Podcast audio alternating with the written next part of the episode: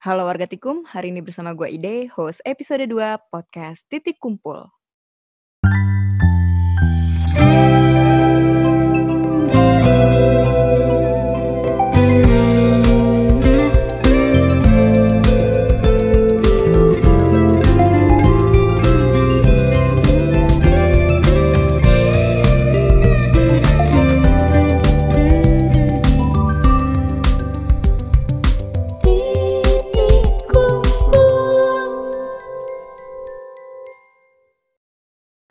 Halo warga Tikum, gimana nih kabarnya? Semoga sehat selalu ya di tengah pandemi ini. Jangan lupa juga untuk selalu jaga kesehatan, jaga jarak dan kebersihan diri agar terhindar dari virus COVID-19. Hari Kemerdekaan Indonesia. Biasanya warga Tikum ngapain sih kalau hari kemerdekaan? Kalau gue baca jawaban di IG story Kama, ternyata banyak juga ya kaum rebahannya.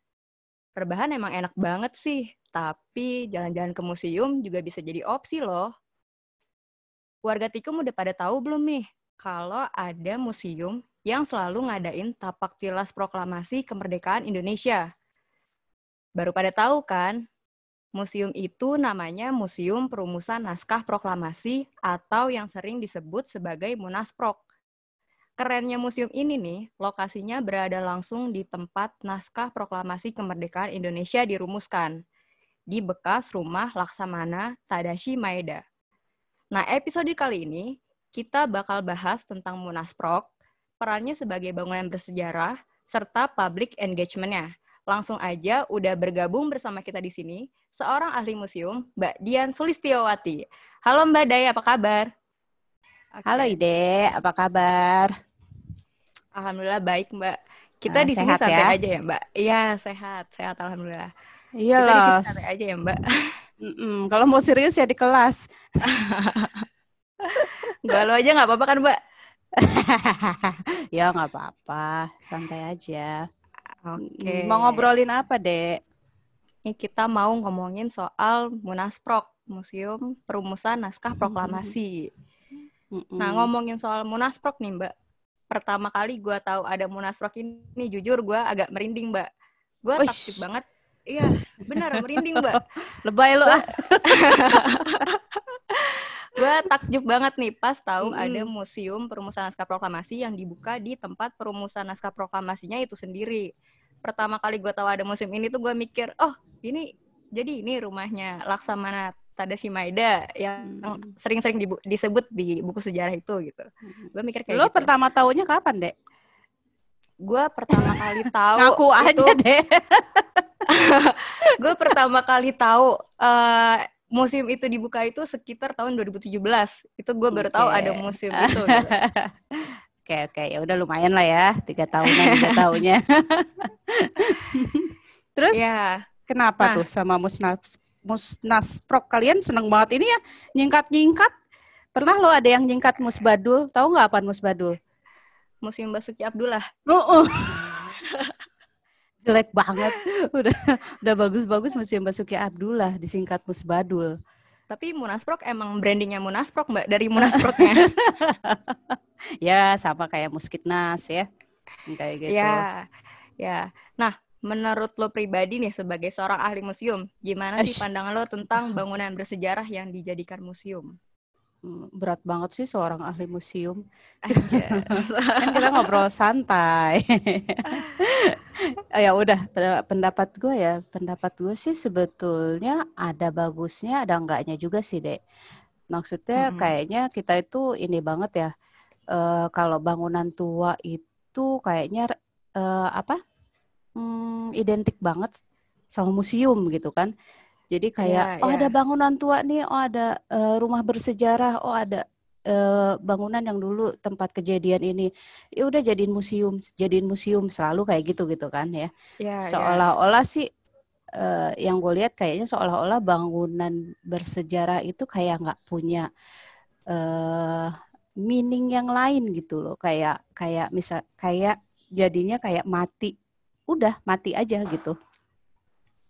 Karena uh, gini setelah dia jadi museum gitu uh, fokusnya lebih banyak uh, ke museumnya gitu kan. Sebetulnya kalau di di luar negeri itu biasanya dibedakan antara ada yang namanya museum, ada yang historical house. Ya, nah, ya. misalnya Nah. kayak gitu, historical house itu memang kayak rumah-rumah atau bangunan yang di mana uh, dulu itu pernah uh, digunakan uh, atau terjadi satu peristiwa bersejarah gitu kan, kayak rumahnya Abraham Lincoln yang kayak gitu, tempat lahirnya dia, tempat dia tumbuh kayak seperti itu. Uh, cuma maksud gue gini, kalau misalnya semua bangunan bersejarah itu harus diubah jadi museum ya gue nggak setuju sebetulnya. Kayak yeah. gitu. Karena maksud gue hmm, banyak fungsi lain dari bangunan-bangunan itu yang mungkin bisa lebih relevan gitu ya dengan kisah dia di masa yang akan datang gitu. Jadi bangunan itu nggak mati kok gitu. Mm -hmm. e, kayak misalnya musnasprok ini gitu ya dia memang uh, kita tahu bersejarah karena di situ uh, digunakan sebagai tempat perumusan naskah proklamasi kan. Rumahnya si yeah. Laksamana Meda gitu. Itu kisah paling bersejarahnya. Tapi kemudian apakah digali lebih lanjut siapa sih Laksamana Meda gitu? Uh, dari kapan sampai kapan dia menempati rumah itu, apa yang terjadi setelah rumah itu tidak ditinggali lagi oleh Laksamana Maeda atau setelah rumah itu uh, setelah peristiwa perumusan itu apa yang terjadi di sana yang hal-hal seperti itu. Mm-hmm. Jadi kayaknya kisahnya itu berhenti cuma sampai pada saat perumusan naskah proklamasi, udah habis gitu. Sementara yeah. ya kayak eh, gue menganggapnya bahwa bangunan-bangunan itu sebetulnya masih bisa diberi makna lain lagi gitu. Mereka masih buktinya dia masih ada sampai sekarang. Mm-hmm. Buktinya dari tahun mm-hmm. 1945 sampai sekarang dia masih berdiri gitu kan. Iya. Yeah. Nah, ada ada dia masih punya kisah yang lain gitu deh. Dan uh, tentunya kalau dia masih dijaga, masih dirawat gitu rumah itu atau bangunan-bangunan itu kan masih punya cerita di masa yang akan datang nanti. Iya, betul. Nah, betul. Mungkin ya ya itu sih jawaban gue kalau misalnya lu tanya tadi uh, pertanyaannya apa tadi ya? Pertanyaan gimana pandangan Mbak tentang bangunan bersejarah yang dijadikan ya. museum? Ya. Ternyata uh, justru terlalu mainstream ya jatuhnya ya nggak sih? Iya nggak nggak sepenuhnya nggak sepenuhnya setuju gue. Udah gitu bangunan bersejarah itu eh, apa biayanya gede ya buat ngerawatnya ya. Iya. Museum sendiri ngeluarin biaya yang gede juga. kan maintenance museum itu uh, butuh pembiayaan yang besar juga mau ngerawat ya, mulai dari ngerawat koleksinya, banget. terus uh, ada SDM-nya gitu kan yang bekerja di museum dan uh, untuk pembiayaan program-program publik dan sebagainya gitu. Jadi double tuh biayanya. Udah ngerawat bangunannya juga, ngerawat museumnya juga. Hmm, mamam situ. Jadi double-double ya pembiayaan. Ya, double-double lah. Uh, itu kecil ya, Musnasprok tuh masih kecil lah ukurannya gitu. Bayangin yang museum-museum yang gede-gede banget itu gitu. gitu deh. Oke, tapi kalau misalkan uh, kita di sini ambil contohnya Munasprok kan akhirnya emang pakai menempati menempati tempat uh, bersejarahnya gitu mbak. Menempati bangunan bersejarah.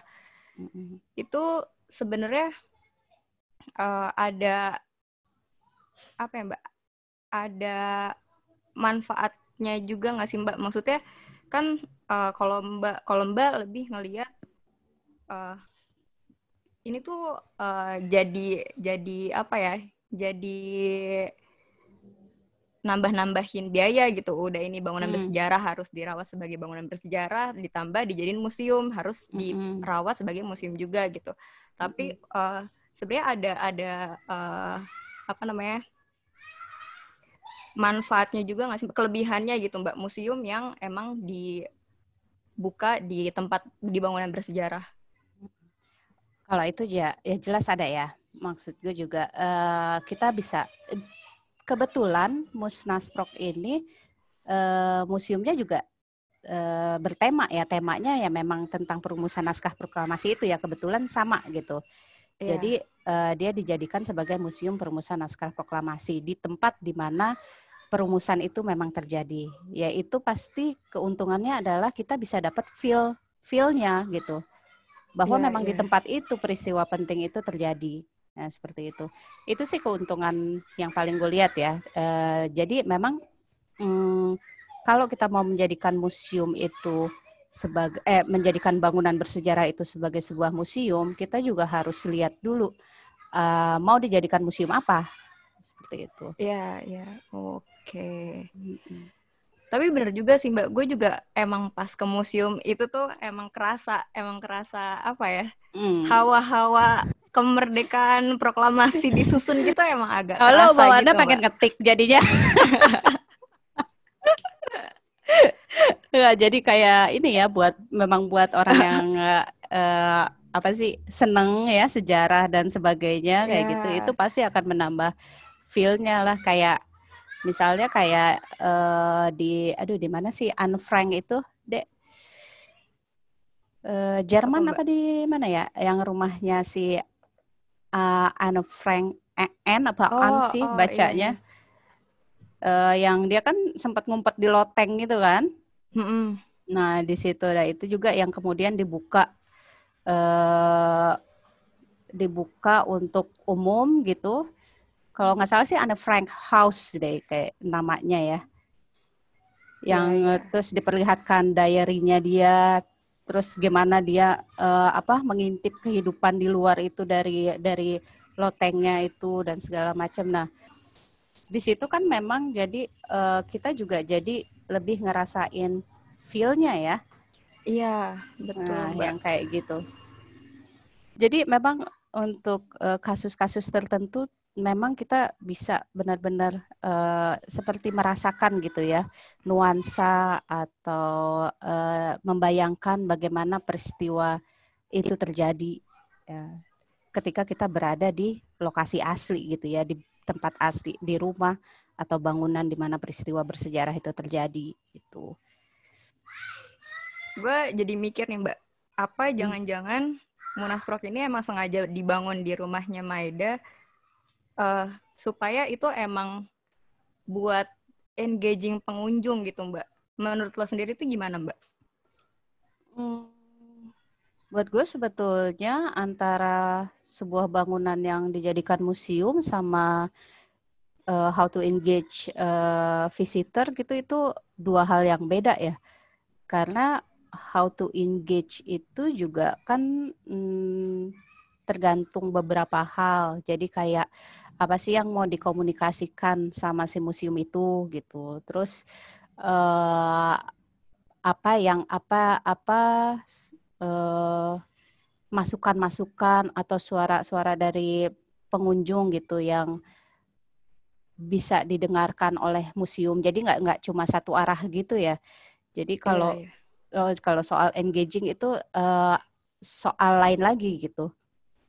Jadi nggak bisa uh, bukan berarti dia dijadikan museum itu salah satu uh, strategi museum untuk engage pengunjung untuk menarik iya mungkin. Tapi okay. kalau engage hmm. mungkin itu udah beda lagi gitu. Gitu. Kalau usaha-usaha museum untuk engaging pengunjung itu uh, biasanya apa aja sih, Mbak? Hmm, sebetulnya gini ya, engaging kalau mau engaging ke pengunjung, satu hal yang pasti itu museum mesti tahu dulu deh siapa pengunjung museumnya. Oh gitu. gitu. Kita kan sering banget ya hmm, dengar museum uh, apa? Siapa sih pengunjung museum? Atau siapa sih yang dilayani oleh museum? Umum gitu kan? Iya. Ada temen gue pernah bilang deh, gue ingat banget sampai sekarang. Yang umum itu cuma WC, katanya. WC umum gitu. gue mikir ya bener juga gitu kan. Jadi maksudnya mungkin maksudnya melayani semua lapisan masyarakat gitu. Yeah. Tapi kalau mau engaging, ya kita harus tahu siapa yang jadi targetnya kan. Ya, Nah, betul. Kan nggak eh, kan apa maksud gue beda dong lo mau engage anak-anak sama engage orang dewasa gitu. Nggak bisa Mm-mm. pakai cara yang sama. Nah, jadi yang pertama kali menurut gue ya tapi ini pertama kali harus di dicari tahu sama museumnya itu adalah siapa yang datang ke museumnya dia. Paling nggak kalaupun belum sampai ke target ada segmennya lah. Segmennya siapa aja sih? Musnasprok tuh banyak didatengin sama siapa? Menarik Ya. eh, paling menarik minat siapa ya kayak gitu. Oke.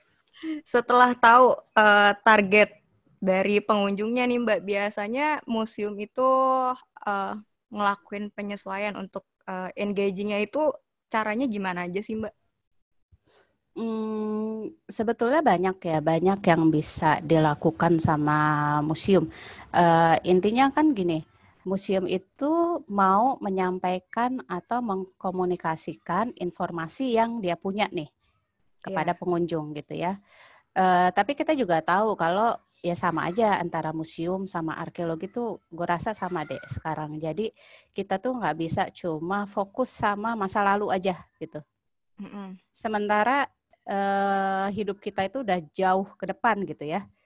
Ya. Nah, di hidup kita yang sekarang ini ada banyak problem-problem atau masalah-masalah sosial eh, yang terjadi di masyarakat yang sebetulnya museum itu bisa jadi jembatan di situ. Gimana dia bisa ikut berpartisipasi untuk eh, mengatasi masalah di masyarakat itu, ya kayak gitu. Untuk itu makanya informasi kebanyakan mungkin eh, informasi yang diberikan museum itu pasti berkaitan sama fungsi edukasinya ya. Iya, Jadi Mbak. apakah itu edukasi apa informasi sejarah, budaya, eh, apa etnografi dan sebagainya seperti itu. Tapi kemudian sekarang ini kalau menurut gua museum itu juga mesti ngedengerin apa yang jadi eh, keinginan masyarakat itu sendiri gitu. Ini masyarakat kita ngomongnya ya. Eh, kalau mau Mm-mm. dipersempit ya dia dengerin dong apa yang eh, apa yang jadi eh, suara dari pengunjungnya gitu. Kita sempitin ke pengunjung deh gitu. Eh, contohnya gini, eh, buat orang yang datang ke Musnasprok itu pasti kan beragam ya. Iya. Katakan paling banyak museum kita itu didatangi sama anak sekolah yang kayak gitu. Nah, anak sekolah itu maunya kalau datang ke museum itu apa? Iya, Nanti iya. beda lagi sama eh, anak sekolah yang udah seumuran lo, Dek. Oh, sekarang udah nggak sekolah ya? Maksudnya mungkin mahasiswa atau atau eh, pelajar itu aja segmennya banyak ya. Ada pelajar SD, SMP, SMA yang kayak gitu ya. Iya. Nah, mereka tuh punya punya eh, needs and demands yang beda ketika datang ke museum gitu. Baik dari segi informasi ataupun fasilitas dan yang lain-lainnya ya, kayak gitu. Eh, jadi jadi eh, museum itu mesti bisa tahu dulu apa yang jadi kebutuhan masyarakat di museum dia. Gue ngasih contoh gini nih, Dek. Hmm, gue kasih contoh eh, saudaranya Musnasprok ya, Muskitnas ya. Iya. Oke. Eh, mereka struggle, struggle banget untuk eh, membuat satu pameran eh, permanen gitu ya. Mengingat ya itu tadi ada eh, ada problem di bahwa ini bangunan lama, Mm-mm. dulunya eh, sekolah eh, Stovia ya. Sofia, iya. Heeh, tapi setelah itu berganti fungsi macem-macem kayak gitu. Nah, Mm-mm. gimana coba nampilin ceritanya gitu kan? Sementara bangunan itu nggak bisa diapa-apain. Jadi harus memanfaatkan ruang yang ada. Nah, itu Iya. problem problem eh, bangunan ini kan lama heritage gitu kan. Mm-mm. Mereka struggle di situ gitu. Jadi sampai sekarang riset juga masih berlangsung gitu kan. Pergantian tema dan sebagainya itu masih masih berlangsung untuk menemukan gimana sih cara menyampaikan cerita mengenai bangunan ini, mengenai sejarahnya, mengenai Stovia dan sebagainya kayak gitu. Dirangkum dalam satu museum yang namanya Museum Kebangkitan Nasional gitu kan. Mm-mm. Tapi terus uh, yang gue sangat appreciate itu adalah mereka nggak berhenti di situ gitu. Di tengah-tengah pusingnya itu, kemudian dicoba uh, engagement ke masyarakat, ke publik. Uh, mereka ada kerjasama dengan yayasan Belantara Budaya namanya. Mm-hmm. Uh, waktu awal-awal tuh sempat ada ini juga sih, uh, ada pro kontra juga gitu ya maksudnya, karena di museum itu banyak ruangan yang nggak kepake, yeah. Belum belum dimanfaatkan, akhirnya uh, pengelola museum sama pihak yayasan mendirikan PAUD di situ. Uh, uh, jadi PAUD. untuk uh, uh, PAUD yang buat anak kecil. uh, iya, dan itu ditujukan untuk anak-anak yang tinggal di sekitar Museum Kebangkitan Nasional. Lo pernah ke sana kan? Pernah. Hmm. Tapi nggak sadar PAUD-nya di sebelah mana. Ya. ada di salah satu ruangan lah ya. Gue juga belum update lagi sih sekarang hmm. apakah masih berjalan atau enggak ya. Gue rasa setelah apa ketika pandemi ini semua berhenti gitu ya. Yeah. Iya. Uh, terus dan memang ditujukan untuk uh, masyarakat yang tinggal di sekitar museum gitu. Jadi mm. daripada mereka kesulitan nyekolahin anaknya harus jauh-jauh atau apa ya udah di sini aja gitu. Toh dulu museum ini juga berfungsi sebagai institusi pendidikan gitu. Iya. Walaupun jauh mungkin kalau uh, kita ngebandinginnya dari sekolah PAUD ke Stovia gitu ya, sekolah kedokteran oh, gitu. Tapi fungsi edukasinya itu kan tetap jalan kayak gitu. Iya. Terus terus berlanjut mereka bikin uh, sekolah tari gratis kayak gitu. Itu lebih heboh lagi karena yang datang ternyata bukan cuma dari uh, anak-anak sekitar yang tinggal di situ, tapi mm-hmm. juga dari mana-mana. Mereka datang untuk uh, ikutan itu sekolah tari gratis itu gitu loh. Dan Keren. buat iya buat gue itu nggak ada salahnya kan gitu. Bagaimana yeah. Museum bisa memanfaatkan ruang yang ada gitu ya, sekaligus mencoba uh, mendatangkan orang gitu dengan mm-hmm. cara yang masih make uh, budaya-budaya kita juga kan. Iya, yeah, iya. Yeah. Nah, engagementnya gue lihat dari situ mulai terbentuk karena terus mereka uh, juga aktif uh, ke PKK di lingkungan sekitar ya RT RW-nya mm -hmm. kayak gitu. Jadi ibu-ibu rumah tangganya tuh diajak untuk yang ini kalau ada acara di museum mereka yang masak yang kayak gitu. Kalau ada tujuh belasan apa terus hari kebangkitan nasional segala macam upacara kan uh-uh. itu warganya diajak untuk uh, jadi petugas upacara juga. Jadi Wah. itu emang keren juga iya keren juga. Baru tahu iya. gue. Itu gue udah berapa tahun yang lalu ya ketika uh, ketika apa gue meneliti tentang itu di sana ya. Jadi uh, ketika itu ya tanpa sengaja gue lewat itu mendekati hari kebangkitan nasional gitu ya uh, eh, gue lupa deh dia tuh didirikannya tanggal berapa gitu ya museumnya itu maksudnya di, diresmikan sebagai museum mm-hmm. tapi ketika ngelewatin jalanan di gang mm-hmm. itu ada spanduk. Mm-hmm. spanduk itu dibuat sama warga. Isinya apa? Ngucapin selamat hari ulang tahun buat museum kebangkitan nasional. Ada nggak sih? lo pernah nemu nggak museum lain gitu misalnya yang kayak gitu ya? Gue pikir yang iya juga ya. Maksud gue daripada bukan daripada ya cuma kebanyakan kan museum fokus gitu ya ke ini gimana tata pamer gitu kan gimana yeah, bikin iya, pameran yeah, temporer apa segala gitu padahal ada hal-hal yang mungkin kecil gitu ya uh-uh. uh, tapi itu lebih bermakna buat masyarakat yang tinggal di situ gitu gitu deh. Yeah, yeah. Sama sempat ada poliklinik juga kok di sana. Ya itu buat warga juga poliklinik gratis kayak gitu. Cuma nggak lama kayaknya. Terus uh, sempat waktu kebakaran pasar Senen dia kan ke Kuitang pasar Senen situ kan. Mm -hmm. yeah, itu kan yeah. kebakaran. Udah mereka nggak pikir panjang, langsung mm -hmm. nyediain tempat satu ruangan kayak gitu. Itu buat nampung pengungsi orang-orang yang rumahnya kebakar abis. Yes, keren banget. Iya, ya itu ya buat museum mungkin bukan kalau mau cuek ya, eh, bukan masalah Iya, gue yang kebakar, bukan museum gitu Iya. kan, bukan museum benar. gue yang bakar mau orang gitu kan. Tapi ya menurut gue itu cara yang efektif untuk mengengage orang gitu. Paling nggak orang tuh jadi aware, ya Allah ada museum di situ gitu. Iya. iya, apalagi muskitnas kan masuk-masuk ke gang gitu. kan. Nah iya, orang pada nggak sadar kan kalau itu museum Iya. kayak gitu. Iya, Mbak gue pernah nyasar tuh di daerah perumahannya.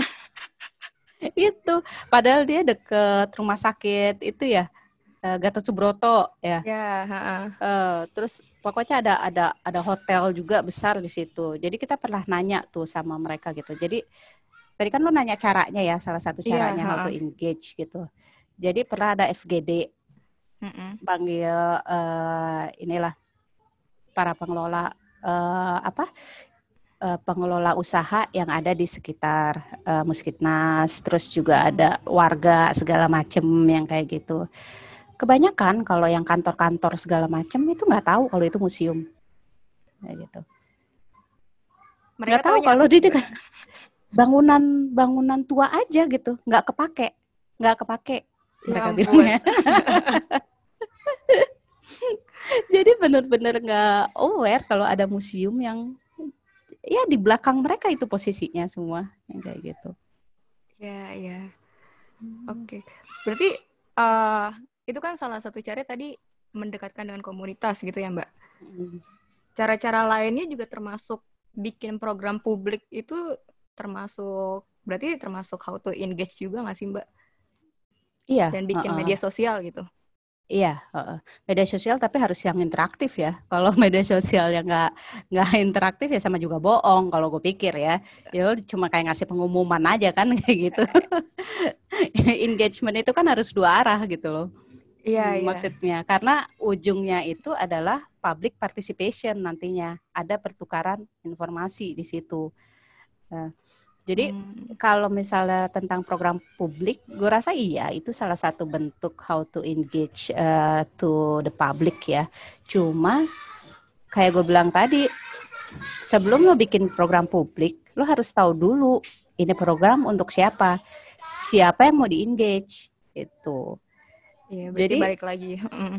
Hmm, iya, Balik lagi siapa pengunjungnya gitu. Siapa target Mm-mm. pengunjungnya gitu. Iya, harus dikenalin dulu itu. Jadi bisa lebih tepat sasaran gitu. Kayak tadi lu di awal bilang ada acara apa? Tapak tilas ya? Iya, tapak tilas. heeh. Nah, sebenarnya itu ditujukan untuk siapa gitu. Mereka kalau gue lihat nih Mbak, Museum. Proklamasi Perumusan Naskah Proklamasi ini Mm, eh, sepertinya mereka mau nge-engage eh, anak-anak muda gitu Mbak. Karena hmm, kalau gue lihat di program publiknya itu banyak yang emang ditujukan untuk pelajar. Banyak mereka Iya. banyak ngadain lomba-lomba, diskusi, Mm-mm. seminar. mm-mm. dan sosial media yang mereka buat itu juga kan sekarang paling basicnya punya Twitter, punya Facebook, Ya. punya Instagram gitu kan, Mbak. Semenjak mereka juga- pandemi aktif semua ya. bagus, bagus ya gitu. Iya. Dan mereka juga punya TikTok, Mbak, ternyata. Hmm. Iya, mereka mulai bikin TikTok walaupun kalau misalkan gue emang lihat TikToknya tuh masih yang eh, muterin video-video sejarah Eh, kurang kurang Eh, ikutin trennya kalau trennya TikTok kan sambil joget-joget gitu kan, Mbak. Tapi ini nggak tahu gue nggak punya TikTok. masa sih? Nggak tahu jadi gue tren di TikTok apa. ya, tapi tapi ya menurut gue itu salah satu eh, usaha awal yang bagus gitu mulai Hmm, hmm, hmm. melek teknologi gitu mbak melek sosial media gitu Mm-mm. Nah. Eh, kalau ngeliat dari situ mungkin bisa bisa kita lihat gitu ya kalau upayanya itu memang udah sampai eh, mereka udah memahami siapa sebetulnya target pasarnya kayak gitu ya kayak media sosial eh media sosial media sosial juga gue rasa itu kan bersegmen ya Iya. Mungkin kalau lo uh, ke bawah deh gitu ya, seumuran lo ke bawah itu pasti uh, ininya di IG, di Twitter ya. Itu yang yeah. paling uh, ini deh. Oh. Seumuran gue ke atas. itu mainnya mungkin nggak di situ gitu kan. Yeah. Tapi di di Facebook atau di mana gitu. Nah, itu itu bisa kita lihat aja kalau mereka aktif semua gitu ya dan media sosialnya juga yang interaktif gitu jadi nggak cuma satu arah mm-hmm. berarti ya mereka berusaha menjangkau segala lapisan masyarakat itu gitu. yeah. tapi kalau emang fokus ada dari berbagai macam pilihan sosmed itu mereka fokus banget misalnya di IG atau di Twitter atau di TikTok sekarang gitu berarti mm. udah udah kelihatan segmen yang mau di ini tuh yang mau ditargetin itu usia berapa, uh, apa tingkat pendidikannya uh, dari mana sampai mana gitu udah udah kebaca yang kayak gitu. Lo sendiri yeah. gimana? Tergugah nggak dengan segala Aku, upaya museum yang sekarang mencoba untuk uh, aktif di sosial media? Gue sempat tertarik banget sama uh, tour virtual, Mbak. Hmm. Kan hmm. selama pandemi ini lu langsung lumayan banyak gitu musim-musim yang ini kita ngadain tour virtual loh kayak gitu-gitu. Uh -uh. Itu gue sempat tertarik mbak lumayan kan di rumah doang lihat-lihat. oh museum ini kayak gini ternyata bentuknya kayak gitu. Uh -uh. Selama ini kan mereka punya web paling cuman di web itu ngejelasin koleksinya doang apa aja. Yeah. Gitu. Uh, Tapi uh. kita nggak tahu nih ini letak si ininya di mana letak apa namanya yeah. letak koleksinya gitu di konteks ini sama apa kan kayak gitu itu kurang digambarin terus pas dibikin tour virtual baru kelihatan oh bentuk musimnya tuh dibikin kayak gini storynya kayak gini. Itu baru baru kelihatan sih mbak kalau kalau gue lumayan tertarik di situ. Uh-uh. uh, iya. Sih emang uh, di tahun berapa ya? Kayaknya di 2016 aja tuh jadi ini kayak blessing in disguise eh, blessing in disguise ya? Ada pandemi ini ya? Iya. Karena di 2016 itu uh, ketika gue masih ngajar musim dan publik itu ya kita coba di kelas itu ngecek tentang uh, sosial media yang dipunya museum-museum gitu ya. Mm-hmm. Itu ada yang terakhir diupdate dua tahun lalu gitu loh, mm. tiga tahun lalu ya. Jadi kayak semacam ya punya aja dulu gitu kan ya, punya dulu yeah, tapi yeah. belum belum. Nah sekarang ini semua akhirnya sosial media, teknologi, digital dan segala macamnya itu udah udah langsung aktif. melotot, uh, gitu ya. langsung. Tadi yang merem-merem. Wah. Tapi kalau gue pikir gini sih dek uh, uh, terlepas dari penggunaan teknologi atau sosial media gitu ya di masa-masa sekarang ini uh, masa pandemi ini ya apalagi belum semua museum kan buka ya. Kalaupun buka mm -hmm. mereka ada protokol COVID-nya gitu kan iya yeah, uh, gue pikir ini adalah saat yang tepat untuk museum kalau mau engagement melakukan engagement ke masyarakat. Hmm. Artinya kalau mereka mau mengenali siapa uh, audiensnya gitu ya, siapa masyarakat ya, siapa pengunjung museumnya, ini adalah saat yang tepat untuk melakukan itu. Gitu. Karena mau uh, digital ma ataupun uh, visit langsung ke museum gitu ya, mm-hmm. itu tetap aja museum harus punya strategi gitu. Iya. Balik lagi dia harus tahu dulu siapa audiensnya dia gitu loh. Jadi ketika dia membuat satu program, mau programnya uh, apa, uh, based on teknologi atau mau langsung gitu ya program publik yang langsung, itu bisa nantinya bisa lebih tepat sasaran gitu. Iya, iya. Betul banget, Mbak. Ini hmm. karena du diskusinya udah cukup panjang nih, Mbak. Mungkin hmm. kita hmm. akhiri aja diskusi kali ini. Uh. Sayang banget ya, padahal seru banget. Masih kurang ya, Pak. Udahlah ya, jangan berat-berat. Kita harus sehat mental dan fisik. Jadi jangan Iya, ngomongin iya. yang berat-berat. Gitu. Nah, buat warga Tikum yang penasaran sama Munasprok, nah cus aja warga Tikum bisa datang langsung ke Menteng, tepatnya di Jalan Imam Bonjol nomor 1, Jakarta Pusat. Kalau naik KRL bisa turun di stasiun Sudirman atau stasiun Cikini, nanti bisa lanjut naik ojek atau taksi. Eh, atau kalau turun di stasiun Sudirman juga bisa nyewa sepeda di situ. Nah, untuk tiket masuknya itu cuma Rp2.000, buat anak-anak 1000 Ya itu murah banget kan?